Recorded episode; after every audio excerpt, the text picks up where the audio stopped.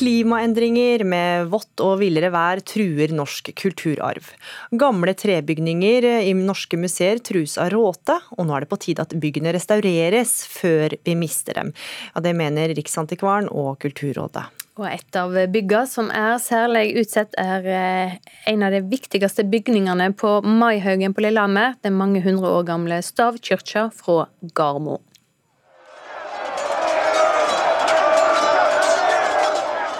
Vi bruker kamplyd for å ta oss tilbake til tusentallet. For historien om stavkirken fra Garmo begynner faktisk allerede da. En bonde i Gudbrandsdalen bestemmer seg for å bygge Garmo stavkirke. Noen mener det var for å imponere Olav den hellige. Mange hundre år senere finnes den fortsatt på Maihaugen friluftsmuseum. Men nå trues kirken av klimaendringene. Det er jo vår eh, absolutt viktigste attraksjon. Det er vår store stolthet. Og jeg tror for Lillehammer så er det jo et umistelig kulturminne. Og det er det nasjonalt og også internasjonalt. Det sier Torger Korpberget, avdelingsleder i stiftelsen Lillehammer museum. Stavkirken står med sitt spisse tårn og med dragehoder på mønene under hans ansvar. Treverket i bygg som Garmo stavkirke er vant til tørre, kalde vintre og lite nedbør ellers.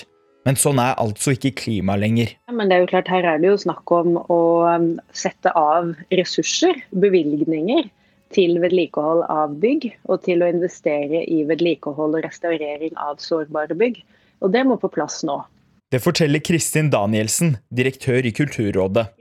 Byggene på Maihaugen er ikke de eneste som trenger hjelp. En undersøkelse utført av Kulturrådet viser at 55% av norske kulturhistoriske bygninger er i så dårlig forfatning at de trues av klimaendringene.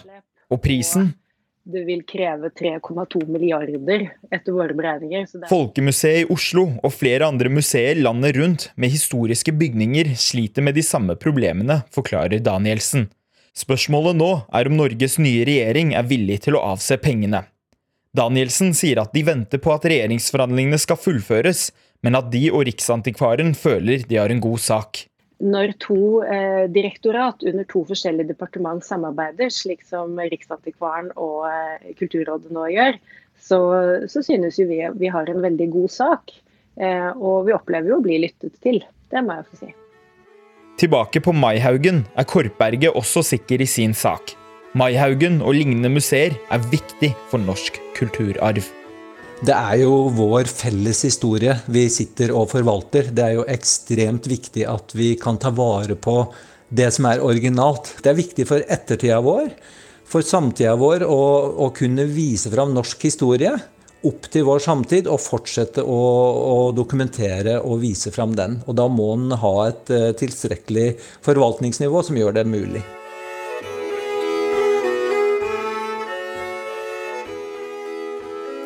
Reporter her, det var Siamak Nematpour.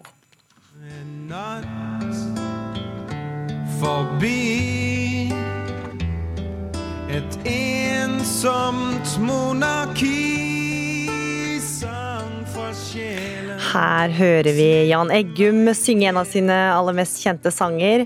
Og Grunnen til at du hører dette i Nyhetsmorgen er fordi artisten snart fyller 70 år og nå gir ut bok om livet sitt, ført i penn av musikkjournalist Geir Rak Rakvåg og Jan Eggum, god morgen. Mm, god morgen. Du begynte å smile da du hørte denne sangen. Er det gode minner? De, det, det, det, er jo det at jeg, alltid den må være på repertoaret. Den har jeg tvunget meg sjøl til, og jeg liker å spille den, så det er ikke det. Men den, det der er 1979-versjonen, så jeg hører at jeg er litt yngre, da. Men sånn er det å være artist, og du har jo vært artist i over 50 år. Du har gitt ut over 300 sanger. Det er sikkert mange som kommer stadig vekk på repertoaret. Men ta oss tilbake da, da Jan Eggum var 15 år. Var det sånn du så for deg at livet ditt kom til å bli?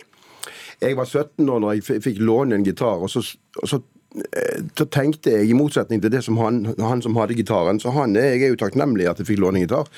Men han hadde jo øvd litt for, for å kunne noen, noen, grep. Mens jeg var altså så flink, oppdaget jeg i løpet av en uke, at jeg tenkte ja, det er rart at, at, at folk sier det er så vanskelig å spille gitar, men det er det jo ikke. Var, var, det da du skjønte at du ville bli artist? Eller? Ja, at jeg ville bli artist, vet jeg ikke, men jeg, jeg skjønte at jeg må, jo, jeg må, jo, umiddelbart begynne å skrive sanger, så jeg gjorde det også med en gang. da. Og de var litt rare, men de var i hvert fall uh, egenskrevne sanger. Og, og, og, bra gikk det. Du mm. blir 70 i desember og er langt fra pensjonstilværelse. Du er midt i en turné. Hva slags musikk er det som kommer der? Nei, det, det, jeg gjør nå, er jo en jeg, jeg, forsøker jo å ha med til og med de sangene som kommer på plate i november, som er en ny plate som jeg har spilt inn og som skal ut av.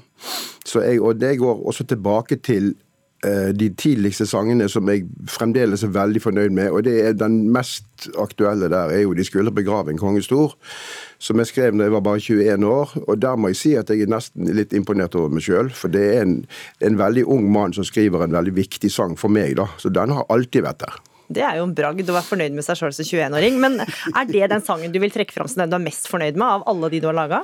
I forhold til alderen da skrev han, ja. Nei, jeg, jeg, jeg syns jeg skrev, begynte å skrive mye bedre etter jeg var 60.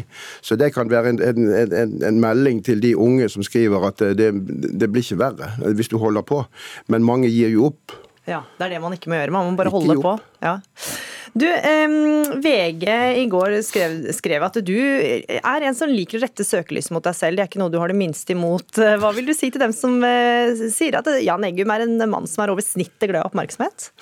Jeg er jo glad i oppmerksomhet, men jeg vet jo at det aller, aller viktigste det er jo at den oppmerksomheten skyldes et eller annet. Og jeg elsker jo å gå på kafé, og jeg elsker ikke at folk kommer bort og sier god dag, god dag, skal vi bli bedre kjent? For jeg velger et bitte lite bord med kanskje med én stol.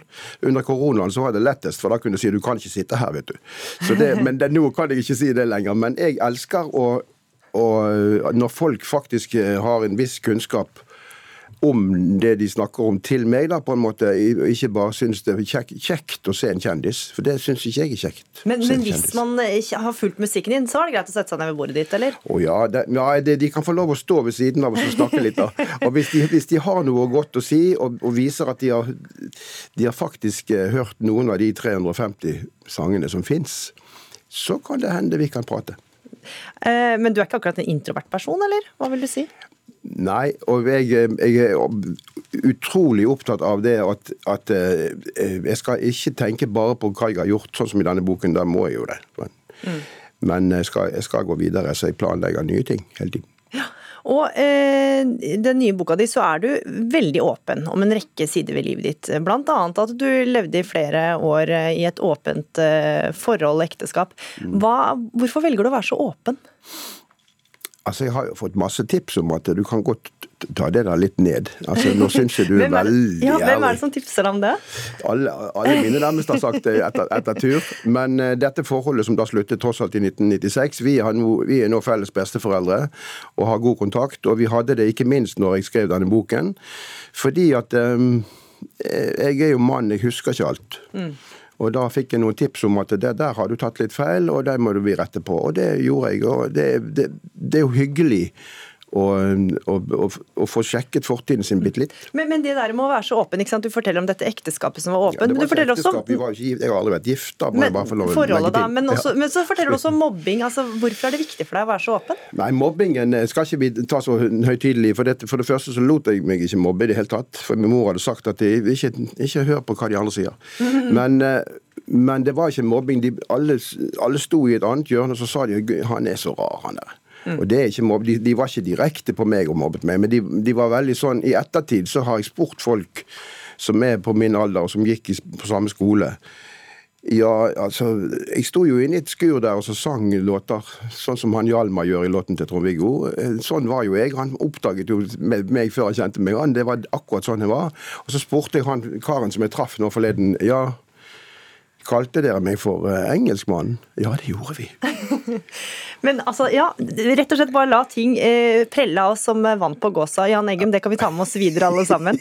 Du skal snart fylle Grieghallen i anledning bursdagen din. Ja. Vi får bare ønske deg god tur videre, og takk for at du var med i Nyhetsmorgen. Så hyggelig. Takk, takk. Første bind av biografien om kong Olav den 5. kom i fjor. Boka fikk tittel Den fremmede. Nå kommer den neste boka, 'Krigeren', som handler om perioden fra 1940 til 1945. Bøkene er skrevet av forfatter og litteraturforsker Tore Rem, som tidligere har skrevet bøker bl.a. om Knut Hamsun og Jens Bjørneboe. Litteraturkritiker Knut Hoem, du kom deg på plass i studio. Du var ikke overbegeistra over første bind i denne serien. Hvorfor var du ikke det? Nei, det syns jeg var bleke saker. Det var eh, rett og slett slik at eh, kongen, kronprinsen Olav, eh, han var jo ikke gamle karen, men jeg følte at verken han eller alle de spennende menneskene rundt han ble tydelig nok fargelagt eh, for meg. De ble litt sånn strektegninger. Men nå i bind to så begynner det riktignok også litt blekt med, at, med flukten opp Østerdalen. Det har andre kanskje fortalt bedre før. men når de kommer opp til Trangen i Balsfjord og tar inn på en hytte der, så skjer det noe med, med denne boken. Ja, Hva bilde tegner Tore Rem av kongen, som i disse år altså var kronprins og etter hvert i eksil? Nei, Det første som skjer oppe i Troms eh, i Balsfjord, det er jo at det kommer en eh, gammel barndomsvenn av han som heter Johan Anker inn døren, som eh, mener på vegne av vanvittig mange i Oslo at kronprinsen bør bli i Norge og samarbeide med Hitler og Quisling istedenfor å reise ut av landet. Og da får fortellingen en slags motstander eh, som, eh, som, den trenger, og Johan Anker er jo ikke den eneste som mener at eh, kongen og kronprinsen burde bli i, eh, i, Norge under krigen. Det er jo også flere senere som foreslår det samme. Eh, men kronprinsen, han ønsket jo å slåss. Han ønsket jo å kjempe på, i de norske hærstyrkene. Så, så, det er jo fint å se hvordan han eh, løfter seg i denne situasjonen. Og selv om han jo både var dyslektiker, og selv om faren hans sa at han vel kanskje først og fremst var en praktiker, så holdt han etter hvert noen veldig flotte taler, radiotaler fra eksilet i, eh, i London. Mye av dette har vi jo hørt om før. Eh, hva nye ting bidrar Tore Remme i denne biografien? Nei, Det er jo ingen tvil om at det har vært en veldig vanskelig kildesituasjon. Eh, Rem har funnet referanser til kildemateriale som eh, kongen og hans medarbeidere har ødelagt og destruert. Mye av det som vi får vite her, har vært skildret før. Jeg skulle kanskje ønske at Rem tydeligere fortalte hva det var han eh, hadde funnet ut som var annerledes enn det f.eks. Tor Bolmann Larsen fant ut i sitt mastodontverk, som dels eh, tar for seg de samme begivenheter fra en litt annen vinkel. Mm. Oppsummert, da, hvordan eh, vurderer du denne biografien nå når vi har to bind på bordet? Nei, altså Du kan jo si litt sånn kynisk at uh, begivenhetene kommer denne biografien litt til unnsetning. altså Krigen gjør at uh, temperaturen uh, stiger voldsomt. Og det er jo noen helt ville situasjoner her. altså Det er jo helt utrolig at kronprinsesse Märtha hadde så, et så nært og intenst forhold til president Roosevelt, som hun faktisk hadde. De møttes jo 248 dager i løpet av krigen. Ja, fortell litt mer om det. Nei, det er jo helt, eh, helt spesielt. Eh, det er jo eh, tidligere kjent at, at de møttes så, så, ofte. Så kronprinsesse Märtha fremstår jo her som en slags sånn Kommer inn med en slags sånn suveren svensk eleganse. Som jo altså, om hun ikke bidro til at Roosevelt gikk inn og USA gikk inn i krigen på eh, alliert side, så, de, så førte det jo bl.a. til at Roosevelt på et tidspunkt holder denne berømte talen der han sier 'look to Norway'. Mm. Mer om eh, denne boka finner du som vanlig på nrk.no anmeldelser. Takk skal du ha, Knut Hoe.